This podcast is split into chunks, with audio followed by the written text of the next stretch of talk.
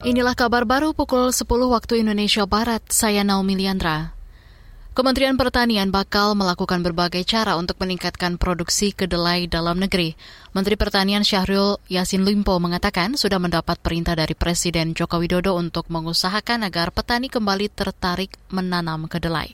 Syahrul Yasin Limpo mengatakan salah satu upaya pemerintah adalah menggunakan bibit varietas unggul, bibit produk rekayasa genetika atau GMO, dan bibit impor dari varietas yang baik, menggunakan GMO kalau perlu, menggunakan bibit impor kalau perlu, dan tentu mempersiapkan bibit-bibit nasional atau lokal dengan varietas tinggi. Artinya selama ini kedelai misalnya hanya satu setengah ton per hektar sampai dua ton, diharapkan kita bisa dapatkan varietas yang mampu di atas 3 sampai 4 ton per hektar.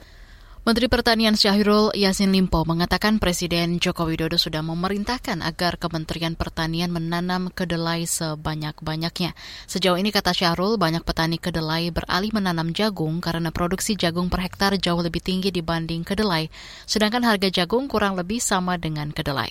Hal ini memicu tingginya impor kedelai yang mencapai di atas 90 persen kebutuhan nasional. Untuk mendorong minat petani menanam kedelai, Kementerian Pertanian akan menetapkan harga beli kedelai dari petani. Kita ke lantai bursa. Perdagangan saham di Bursa Efek Indonesia pagi ini dibuka di zona hijau di posisi 7.207. IHSG dibuka menguat 11,91 poin atau 0,17 persen dibanding penutupan kemarin. Dikutip dari data RTI Business, IHSG bergerak fluktuatif, sempat menyentuh posisi tertinggi harian di level 7.229. IHSG masih meneruskan tren kemarin yang bergerak naik turun. Sejumlah bursa saham utama Asia lain juga dibuka di zona hijau, di mana penguatan tertinggi terjadi di Hang Seng Index Hong Kong dengan penguatan 1,2 persen. Sementara itu nilai tukar rupiah melemah tipis dan dibuka di posisi perdagangan 14.962 rupiah per satu dolar Amerika Serikat.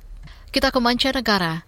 Militer Myanmar dikabarkan melakukan serangan udara terhadap sebuah sekolah. Dikutip dari Reuters, sedikitnya enam anak tewas dan 17 luka dalam serangan itu. Media setempat memberitakan serangan dilakukan menggunakan helikopter dengan alasan kelompok pemberontak berlindung di bangunan sekolah. Belum ada keterangan resmi dari pemerintah terkait aksi serangan yang terjadi pada akhir pekan lalu di salah satu desa di wilayah Sagaing. Namun tentara Myanmar menyebut kelompok pemberontak itu sebagai teroris yang bersembunyi di kuil-kuil desa. Reuters memberitakan sejumlah anak tewas di tempat dalam serangan udara itu. Ada juga yang tewas ketika tentara turun menyerbu desa tersebut. Demikian kabar baru KBR, saya Naomi Liandra.